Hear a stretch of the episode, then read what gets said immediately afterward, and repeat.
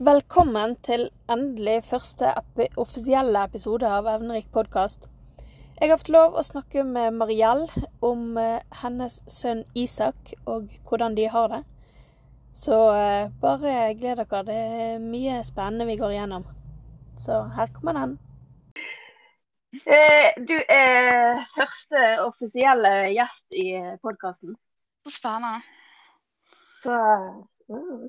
Ja. så aller først så vil jeg bare høre hvorfor hadde du lyst å være med? Jeg eh, brenner veldig for disse barna. Eh, de blir ikke oppfattet av samfunnet sånn som jeg ønsker og håper, og som jeg regner med mange andre foreldre ønsker og håper. Så det å sette litt Mm. på de og få fram hva som egentlig er utfordringene, og hva de trenger, det, det kjenner jeg at det, det har jeg lyst til. Ja, vi er, vi er flere om den, heldigvis. Ja, heldigvis. Eh, hvis du bare vil eh, si helt kjapt hvem du er og hvor du, hvor du bor og Ja, jeg heter Mariell. Jeg er 29 og jeg bor på Askøy sammen med to barn på 9 og 11. Og i dag så skal det handle om eh, Isak, din sønn. Mm. Eh, hvor gammel er han? Han er ni år. Eh, hvordan var han når han var baby? Og Isak han var veldig urolig. Han eh, grein mye. Vi fikk vite at han hadde reflux og kolikk. Det var vel det de forklarte med all den gråtingen. da. Han sov aldri. Han sov kun oppå meg. Uh, Mm. i det første året. Og så var han veldig travel. Han, han skulle følge med. Han skulle være våken. Han uh, var tidlig ute motorisk og språklig. og Ja, Mm. veldig travelt barn. Hvor tid, eh, hvor tid fant dere ut at han var type annerledes? Altså, Og det, det var egentlig ganske tidlig. Men altså, man, man får jo på en måte ikke Isak har jo ADHD, og de diagnosene får jo man ikke før de kommer litt opp i alder. Men det, altså, han var helt annerledes enn broren var, og andre barn på sin alder. Han skulle alltid prøve ting, han tenkte aldri konsekvenser. Han var veldig rask med å oppfatte og lære ting. mm. Ja, så han skulle Ja. liksom alltid eh, Han hadde et driv da som ingen andre unger hadde. Jeg kjenner den. Men, eh, men så, så han var ganske ung når du begynte å tenke at han kanskje hadde ADHD? Ja, han var det. Jeg husker at eh, familie og venner og sånn, så så han òg i denne ett-toårsalderen sa liksom det at han har kommet til å få ADHD-diagnose. Og jeg var nei og nei. Men eh, jeg var jo enig. Jeg så jo at han var Han var mer aktiv, mer impulsiv osv. enn andre unger på sin Mm. Ja. Mm. Men, eh, men i barnehagen, da? Hvordan fungerte han der i lag med, med Eh, andre og sånn?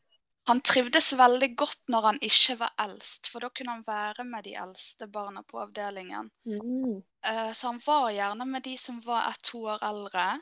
Eh, Og hvis han var med de på sin altså samme alder, så tilpasset han språk og væremåte. Det var som han tok en sånn Mm. omsorgsrolle, selv om de var like gamle. Kom i mange konflikter, og han var, hadde et utrolig temperament og stor personlighet. Og han, han prøvde liksom altså, Jeg fant han på toppen av klatrestativet da han var halvannet år gammel. Og, det, og han skulle ikke ned, for han skulle gjøre det som disse fem-seksåringene gjorde. Hvem fikk dere eh, Eller var det du sjøl, eller var det noen rundt deg som begynte å tenke på dette her med evnerik? Hvor, hvor i livet hans kom det? Det kom egentlig ikke opp før i første klasse. Altså, vi har alltid alltid ja. høre fra barnehage osv. at han, han er rask, han leste tidlig, han kunne stave ord. Han, altså, eh, det var noe der, men det var ingen som fortalte meg at han at de mistenkte at han var evnerik. Da jeg var jo 20 år Mm. bare når jeg fikk han. Dette var jo Ja. ting jeg aldri hadde hørt om.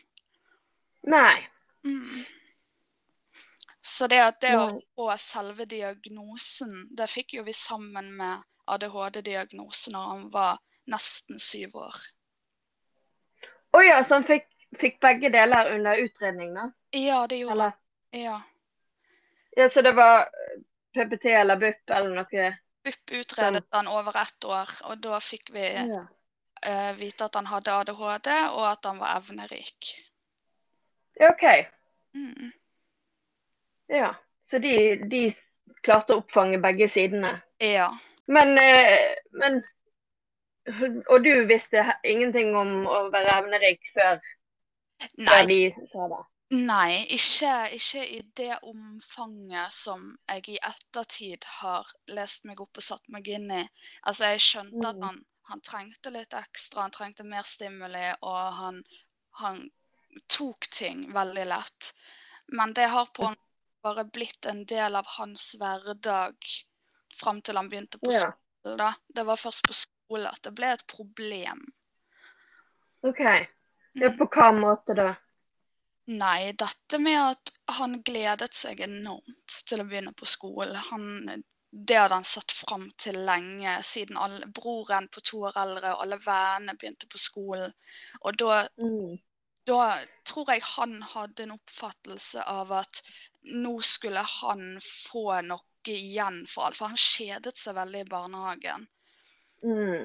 Og så Ja. kom han på skolen, og så ble det ikke sånn som forventet. For han kunne jo lese. Han kunne den matten som de gjorde. Han kunne alle disse tingene. Han skrev fint. Det var liksom ingen Mm. for han å lære og øve på. Fordi at resten av klassen kunne ikke disse tingene. Nei. Så da ble jo han da veldig urolig. Og det er jo en trend vi har hatt siden. At Mm.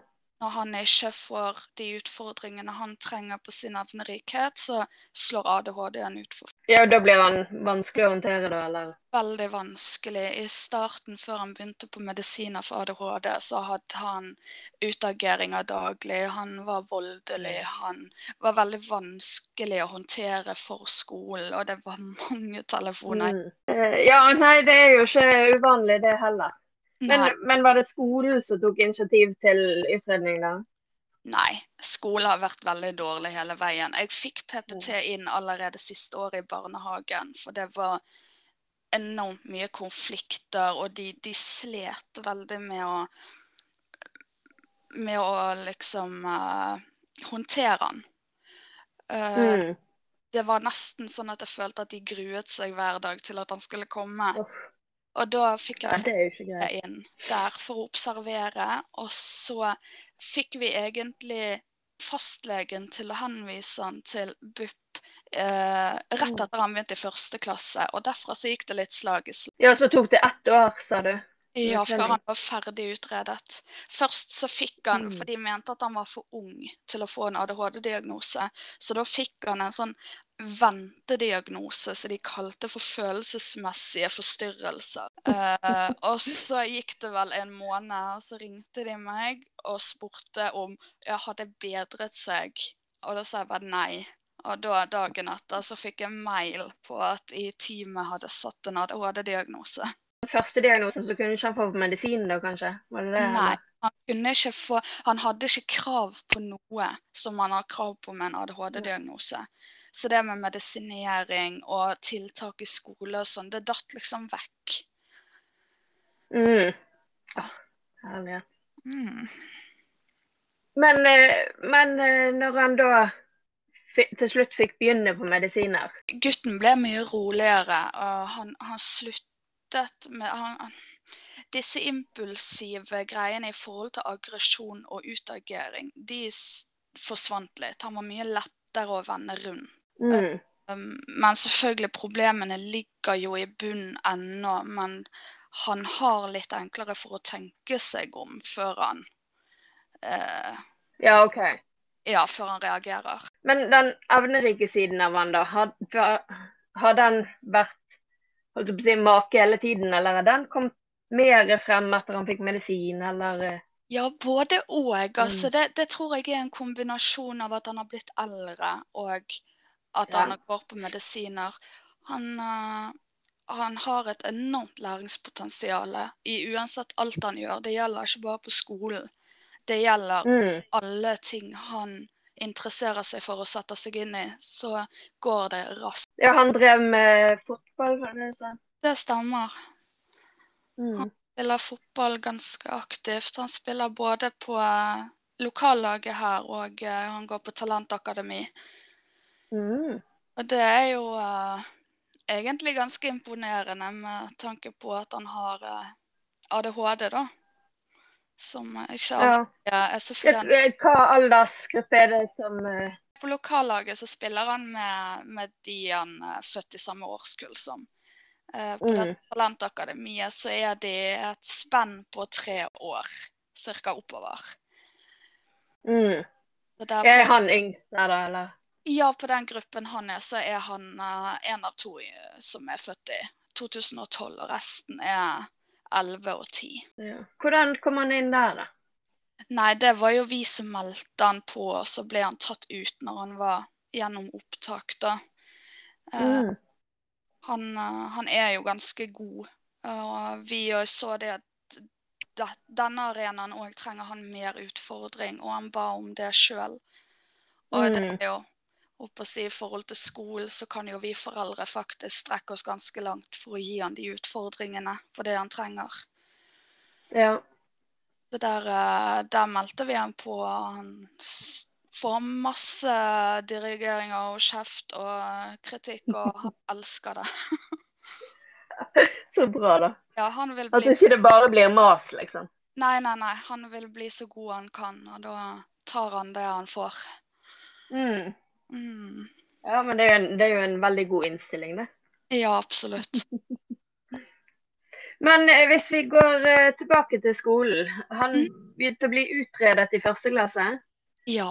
Og hva, hva gjorde skolen i, i den tiden? Altså, Egentlig veldig lite. prøvde de å gjøre noe, eller bare lot de det putle og gå, liksom? Jeg var av den oppfatningen at de prøvde å få det til å se ut som de gjorde noe.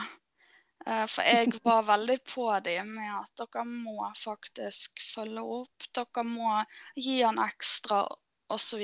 Men det var på en måte hver eneste dag endte negativt. Det var mye telefoner Mm. hjem fra lærer. Men samtidig så læreren var veldig dyktig på denne omsorgsbiten. Så hun Mm. På en måte gutten og tok veldig godt vare på han, men hun klarte ikke den balansegangen med å faktisk se hva som var roten til problemene. Mm. Ja, for hvis hun prøvde å gi, gi ekstra ting, hva, hva fikk han da? Nei, da, da han fikk jo gjerne litt ekstra matteoppgaver i ny og ne. Men eh, der, der hun lå problemet, var jo det at hun ga han mer av det samme som de andre holdt på med, istedenfor å øke nivået. Så han fikk bare enda Mm. gjøre og ble mer lei og sliten ut av det, istedenfor å få utfordringene. Mm. Og det har etter hvert en gjenganger nå helt til fjerde klasse. De han går i fjerde nå. Ja. Ja. Der at han da var utredet. Fikk, fikk skolen noe hjelp til hvordan de skulle holdt på å si, behandle han, eller eh, Ja, altså vi hadde et møte med meg og BUP, PPT og skole, altså med lærer og rektor og avdelingsleder, hvor BUP og PPT fortalte at disse tiltakene må settes inn. Han trenger en IOP, han, altså en individuell hva opplærings, det? individuell Ja. opplæringsplan hvor barnets behov og hva tiltak som skal settes inn ut ifra barnet, og hva det trenger Mm. alt dette sa de at dette må på plass. Og så trakk jo BUP seg ut når medisinering osv. var på en måte landet. Når vi hadde Mm. medisinen skulle ha osv. Og, og så trakk PPT seg ut, for skolen meldte tilbake om at dette er en gutt som klarer kompetansemålene. Derfra Ja. har vi egentlig ikke fått noe som helst hjelp. Han går i ett med resten av klassen. Han har diagnosen han har, men han klarer kompetansemålet, så han får ikke hjelp Mm. Så han egentlig tilbake til start, omtrent. Ja, han er det. Og så er det nesten Jeg føler nesten det er litt opp til oss foreldre hjemme. Jeg har fått et drøss av nettsider som at dette kan dere gjøre hjemme. Men vi har jo ikke tid til å sitte i timevis hjemme, og ikke vil han det heller. Nei, når du er ferdig på skolen, så er jo du ferdig på skolen, liksom. Det er jo akkurat det. Og kommer hjem hver eneste dag. Og ja, i dag har vi begynt å gange med gangetabell, men jeg kan jo den, så hva skal jeg gjøre? Og så er han gjerne ferdig sant? etter fem minutter, og de andre har jo en time igjen. Og da får han beskjed om å sitte Mm. stille på stolen sin og tegne en tegning. Uhu. Ja. Det lærer du mye av. Han kan Ja. bli flink å tegne, da. Ja, det. det var det. Oh. Nei, det er ikke det, jeg, jeg føler det er noe som ofte er problemet. At eh, man har ikke nok ressurser til å lære lærerne hvordan man skal lære disse barna. Det er akkurat det. Og så kommer på en måte rektor til meg og forteller at ja, Askøy er en fattig kommune. Vi har ikke råd til å sette inn flere folk. Vi skulle gjerne ha gjort det. Og nå har han mistet assistenten sin og alt fordi at de har kommet Mm. opp. Han ble lovet det før sommer at han skulle få en assistent, men det skjedde liksom aldri. Fordi at skolen har ikke råd til det. Nei.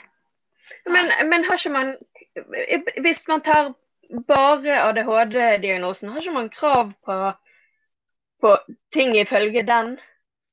Jo, men de ser det i sammen med om han er eh, Jeg liker ikke å si flink på skolen, men sterk faglig, da.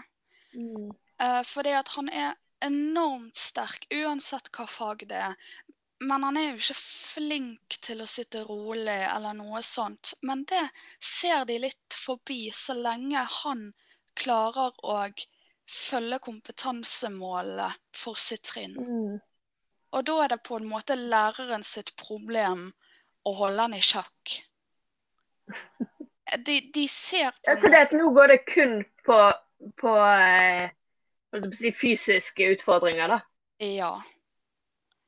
Fordi at altså, alle, alle tingene han, de skal f.eks. gjøre i løpet av timen, det er jo han ferdig med veldig raskt.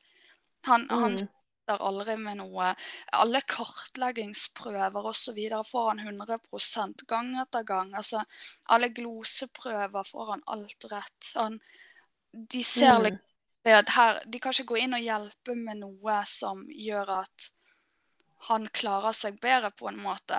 Og så får jeg gjerne telefon hjem da om hvis han har oppført seg dårlig, men de har aldri spurt han hvorfor han blir lei og frustrert. Det har ikke vært prøvd eh, å hospitere i en klasse, eller eh, gjøre andre ting, eller Jo, altså. Det var snakket om i fjor og kanskje putte han opp et klassetrinn, men det vil ikke han helt heller. Fordi at det er liksom i sin klasse han har vennene sine. Ja, ja. Men, men han kan ikke være i en annen klasse i f.eks. mattetimen, eller Nei, det var ikke mulig ifølge skolen. Han, enten måtte han bytte klasse et trinn opp, eller så måtte han gå i den klassen han har. Og de sier at de gir han så mye ekstra. Men når han kommer hjem, så sier han nei, jeg, jeg fikk et hefte med fem ganger stykker. Det er liksom og så når jeg da tar det opp med skole igjen, så er det nei, vi har ikke ressurser til å følge opp. Vi er nødt til å konsentrere oss om pensum. Og da har ikke vi tid Mm. til å begynne på et annet pensum hvis han står fast. Ja. Det, det er veldig sånn låst. Det er utrolig låst, og det er veldig sånn rigid system som du ikke kommer igjennom. Nei. Nå har jeg eh, stanget i fire år, føler jeg. mm. Men, eh, men hvordan, eh, hvordan er han hjemme? Altså, har han Prøver han å søke til seg kunnskap hjemme når han Ja. ikke får utløp for det på skolen, eller? Ja, han, han har en lidenskap for fotball, blant annet, så han, han leser jo Mm. alt han kan om fotballspillere. Og det eneste bøkene han skal lese både hjemme og på skolen, f.eks. Det er det, Hvis Mm. han fotball, da er det greit. Hvis ikke, da nei. Eh, også sånn faktabøker, det kan han til dels sitte og Men jeg ser òg at han, han, han, har jo eh, en PC som han uh, har fått en link av lærer, hvor han kan gå inn på f.eks. en matteside. Uh, Mm. men det får han jobbe med hjemme. Det, og der sitter han i helger og fridager osv. Og, så og nå er kommet opp på syvende klassepensum på engelsk. Så Ja. han, han, han er veldig glad i å liksom utfordre seg sjøl og få til ting. Og jeg ser at han kan sitte seg ned med sånn eh, Sånne logiske tenkeoppgaver. Og sitte Mm. helt til han har løst de. Mm. Han gir liksom ikke hvorfor kan ikke han få sånne ting på skolen, da? Det er jo ikke akkurat veldig vanskelig. Nei, det er jo det jeg òg har sagt. At det er jo ikke verre enn å bare printe ut noe. Det finnes jo enormt mye på nettet. Men da er det Mm. dette her med at nei, de har ikke ressurser hvis han trenger hjelp. Da kan ikke læreren, for da må læreren sette seg inn i ekstrapensum osv. Og det er jo Ja, men hvis du er en mattelærer på barneskolen, så bør jo du kunne all matten på barneskolen. Altså, Ja, det, det er jo den jeg òg har sagt, at det, det burde jo ikke være så vanskelig. Men uh, jeg føler at skole har vært veldig Altså så lenge han klarer kompetansemålet, da skal ikke vi bry oss. Så, så han er jo da tydeligvis i tillegg en av de, en av de skoleflinke òg, da. Det er jo ikke gitt at evnerike barn er skoleflinke, sant? Men, men han, han eh, kan jo både lese og skrive og matte og Ja, alle de tingene òg. ja. Han, han, Så han er jo han ligger liksom i toppen av alle disse skalaene. mm. Sant? For hvi- hvis han f.eks. hadde slitt med lesingen, sant? så hadde de jo kanskje satt litt ekstra ressurser for å få han opp på lesingen. Sant? Men, Ja, altså, jeg, men jeg, jeg, jeg skjønner jo på en måte de òg. Altså. Ja, men altså, jeg, jeg har han andre sønnen min. Han har språkvansker og dysleksi og lærevansker. Han eldste gutten min. Mm. Han fikk diagnosen bare for en uke siden, men han har hatt tiltak i mange år. Ja. Ja, han har, altså, Der trengte de diagnose, for der så de utfordringene så godt. Så han har hatt assistent, og han har hatt alt mulig i i hvert fall to-tre år. Det, det er jo helt sykt. Ja. Mens Du, Stefan du har virkelig én på hver side. Ja. Og begge to burde fått akkurat like mye hjelp. Ja. Men fordi at den ene kan mere, klarer mere, så får ikke han noen til. Helt riktig. Det er så tragisk. Ja. Og det er så det, det er så altfor mange barn som har det sånn. Det er akkurat det. Det virker som det er en gjenganger. Du skal treffe på en veldig dyktig lærer eller pedagog hvis disse barna med evnerikhet skal bli sett. For det er Mm. på en måte ikke noe som er såpass utbredt, og pedagoger har erfaring og kompetanse i en område. Og derfor blir de litt vekk. Ja. Ja. Men, eh, men eh, har skolen prøvd å bruke den som en ressurs overfor de andre elevene? For, for sånn som f.eks. vår gutt. Han eh, Når de La oss si de skal holde på med fugler. Så, så får han gjerne oppgave å, å lese om en av disse fuglene, og så holder han foredrag for de andre elevene om hvordan denne fuglen er. og sånn. Ja, altså de, de har ikke brukt den sånn. Det er ikke Isak så glad i, å stå og snakke foran han. Nei. Men han har blitt brukt Nå sluttet den læreren han har hatt fra første til tredje. Uh, hun som Mm. har nå, hun er helt ny, så hun bruker fortsatt litt tid på å komme inn i alt.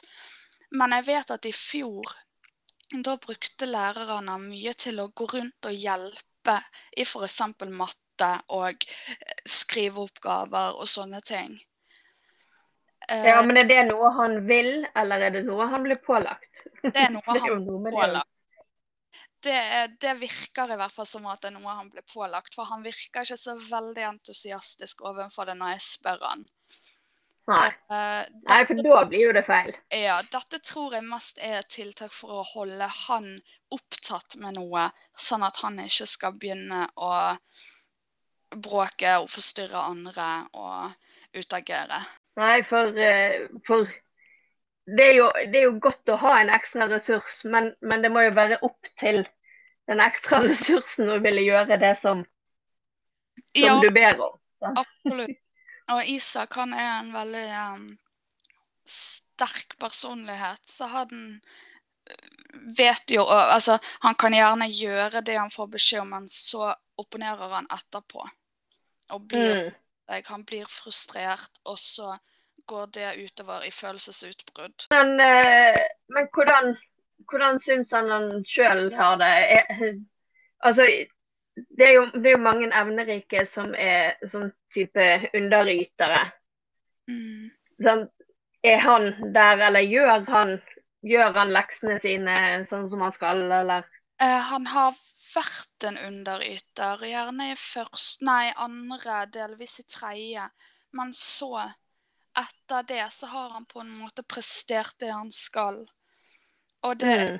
da skolen for alvor oppfattet hva potensial han faktisk har, og hvor dyktig han er Mm. i ting. Selv eh, det var vel en kartleggingsprøve i andre klasse hvor lærer kom ut på forhånd og advarte alle foreldre om at denne kommer ikke til å gå så bra, for vi har ikke hatt halvparten av pensumet ennå.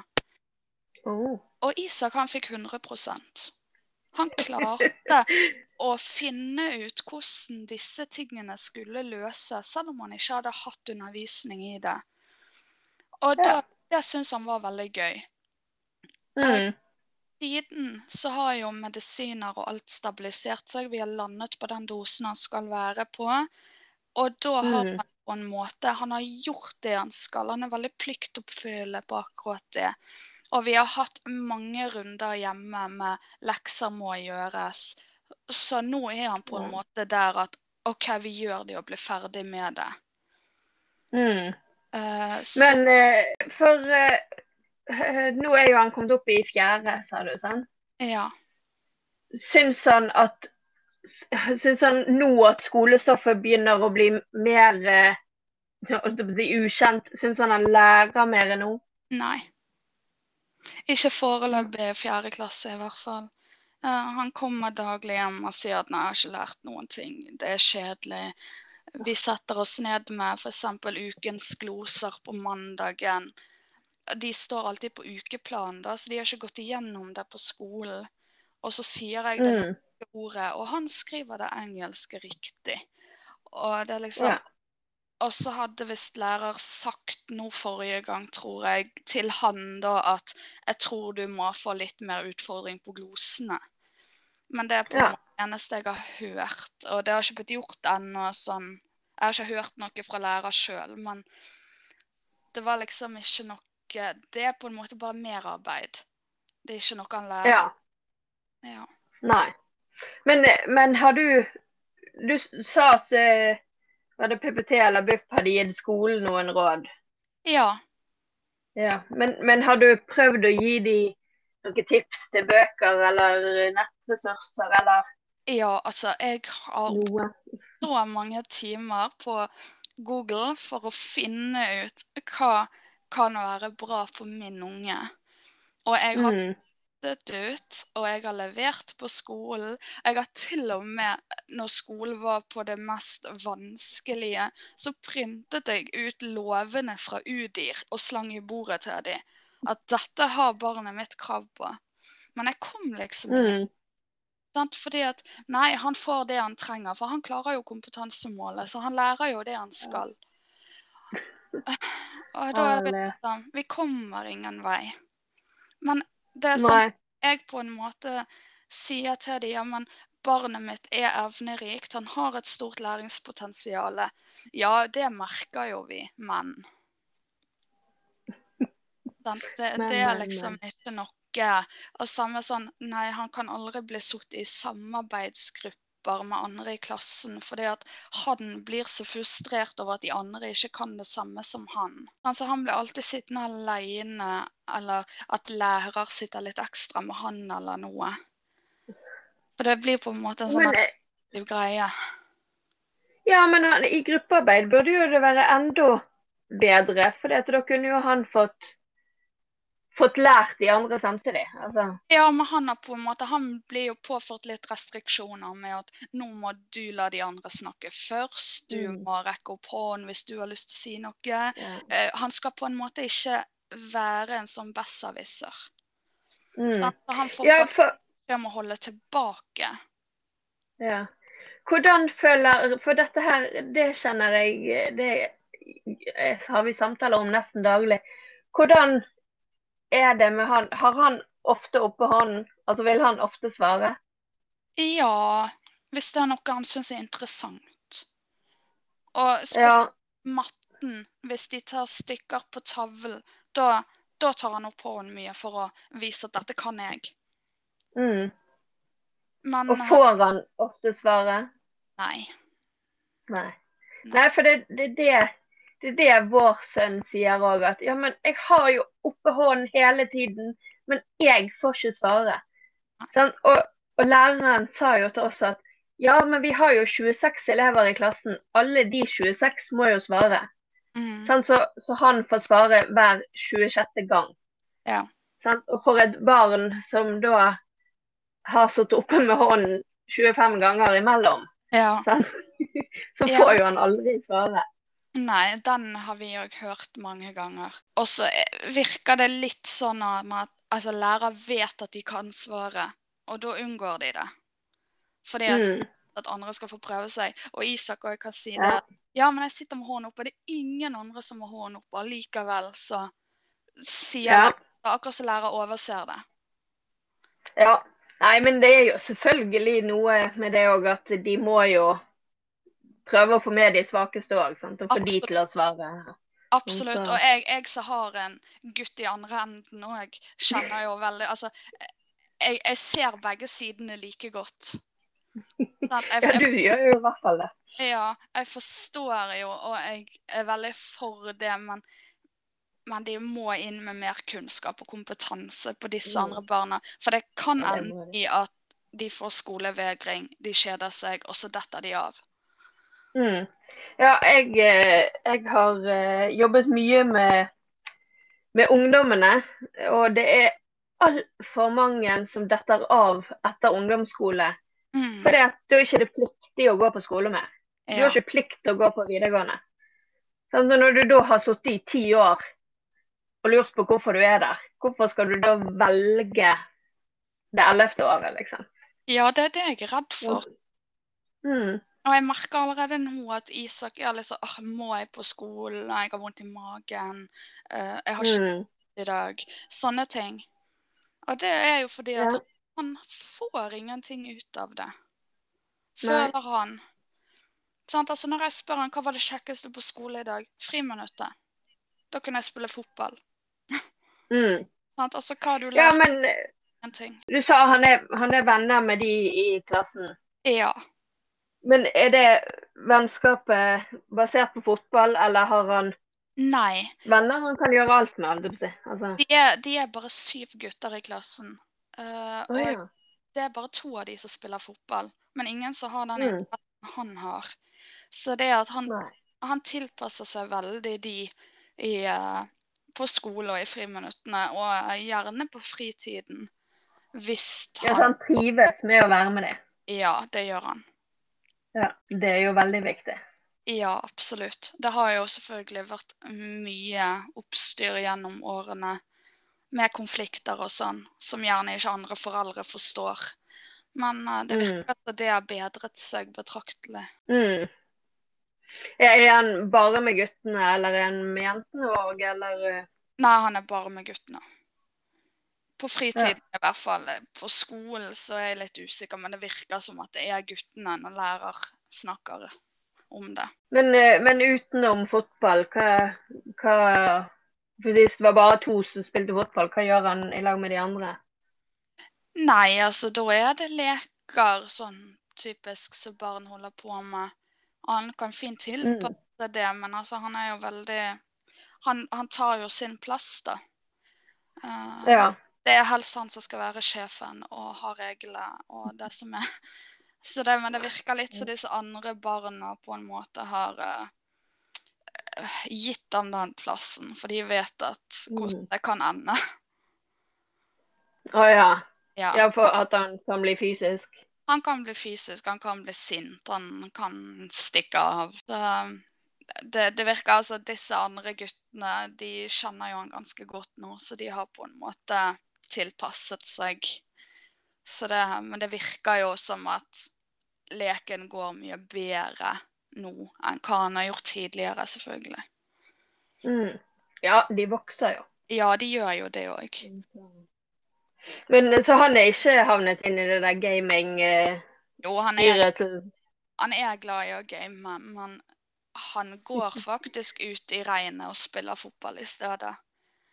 Men uh, selvfølgelig er det noen, noen dager så syns han det er veldig avslappende og befriende å ta på seg headsetet og forsvinne inn i digital verden.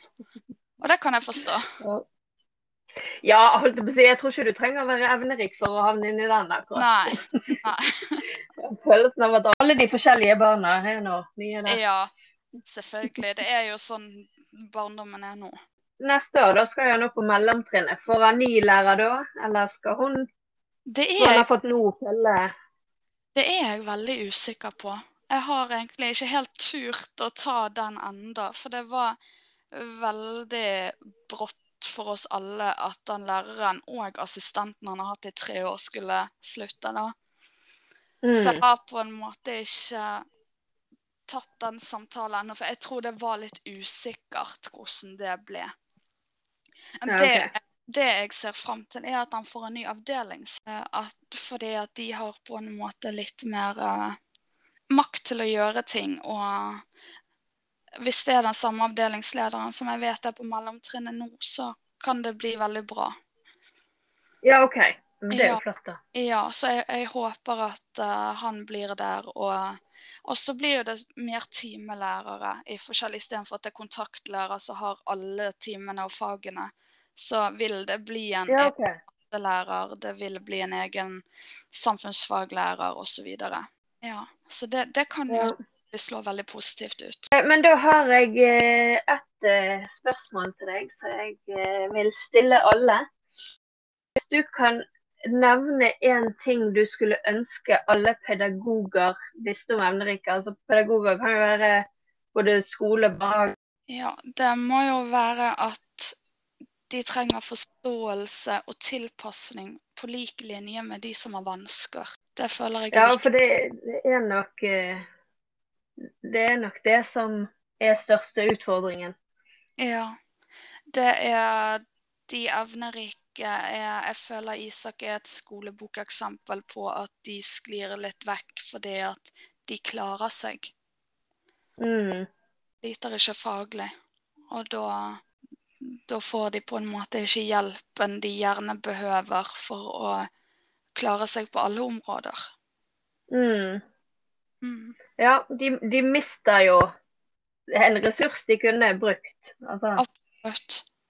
Og de kan ødelegge for dette barnets videre skolegang. veldig. Mm. For at, eh, det å være evnerik er jo bare en ressurs. Du må jo allikevel lære å lære. Ja, Og hvis det du skal lære blir for kjedelig, så gidder jo ikke du å lære å lære. nei, absolutt. Så, Og det- så det er jo Og hvis det blir forbundet med negativ ting å være på skolen, at barnet vil jo ikke være lei og frustrert og sliten. Og da går jo de gjerne disse tingene som gjør de lei og frustrert og sliten etter hvert. Mm. Så det, Ja. tenker jeg er viktig, at uh, pedagoger setter seg inn i disse utfordringene disse barna har, for Mm. Gi de et best mulig utdanningsløp. Og jeg kjenner meg jo så innmari godt igjen i din gutt, sånn som vår gutt er. Mm. Sånn, selv om han ikke har, har ADHD, så har jo han veldig mye av den samme uroen, den samme frustrasjonen om hvorfor skal jeg være her, hva skal jeg, hva skal jeg sitte her for? Mm. Ja. Det jo, og det er ikke sånn skole skal være. Nei, det skal ikke det. Det skal, det skal være positivt for dem. De har tross alt Mm. mange år de skal igjennom. Mm. Veldig. Det at allerede på småtrinnet så går det tregt. Mm. Ja, sant, han, din har jo fremdeles seks år pliktskole igjen. Ja. Sant? Så han må sitte på den stolen i seks år til før han kan velge noe annet. Det er akkurat det. Så hvis, hvis ingen har tenkt å se han på disse seks årene, så, blir jo det sinnssykt mange timer. Det gjør det.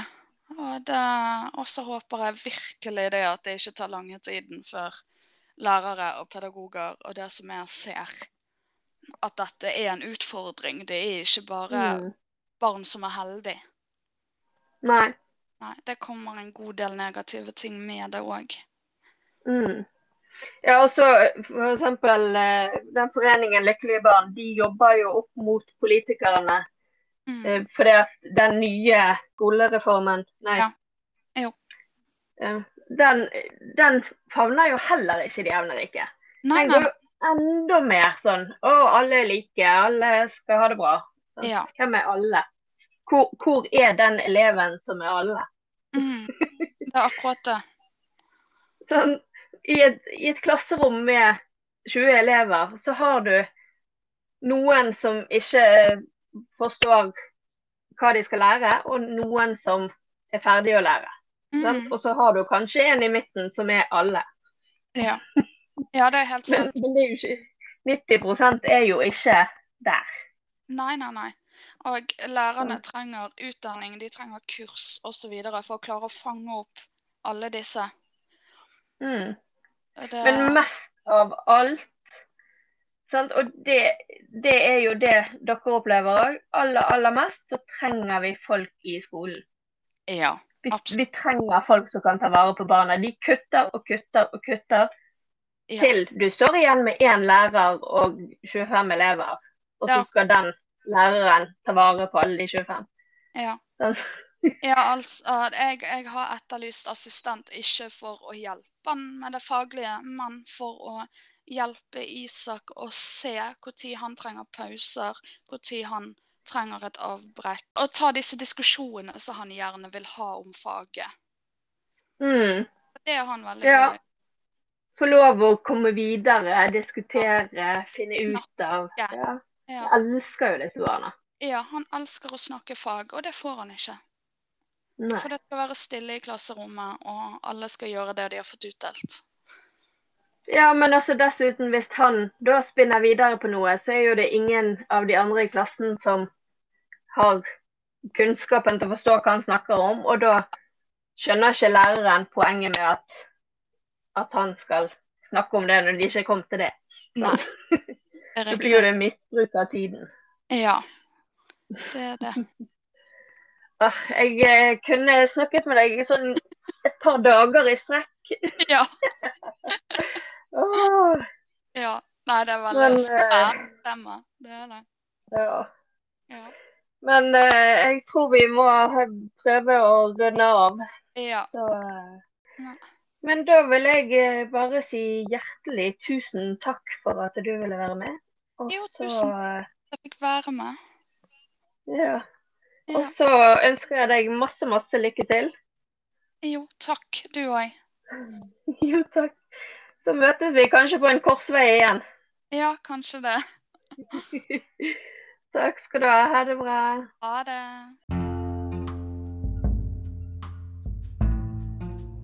Det var dagens episode. Hvis du likte denne og eh, har lyst til å høre flere, så eh, må du følge podkasten vår. Jeg vil òg invitere deg til å gi meg tips om eh, hvem du ønsker jeg skal snakke med. Om det er du sjøl eller andre, det vet du best. Jeg har lyst å eh, samle alle sammen, sammen i en podkast med alle de ressurser som eh, er mulig. Både pedagoger, professorer, folk i helsevesenet, hva som helst. Barn, unge. Alle, alle, alle. Så send meg veldig, veldig gjerne en mail på evnerik.podkast.gmail.com, eller søk opp Instagram evnerik og send meg en DM der. Så, eh, så skal vi få det med. Jeg gleder meg til fortsettelsen, og det håper jeg du òg gjør.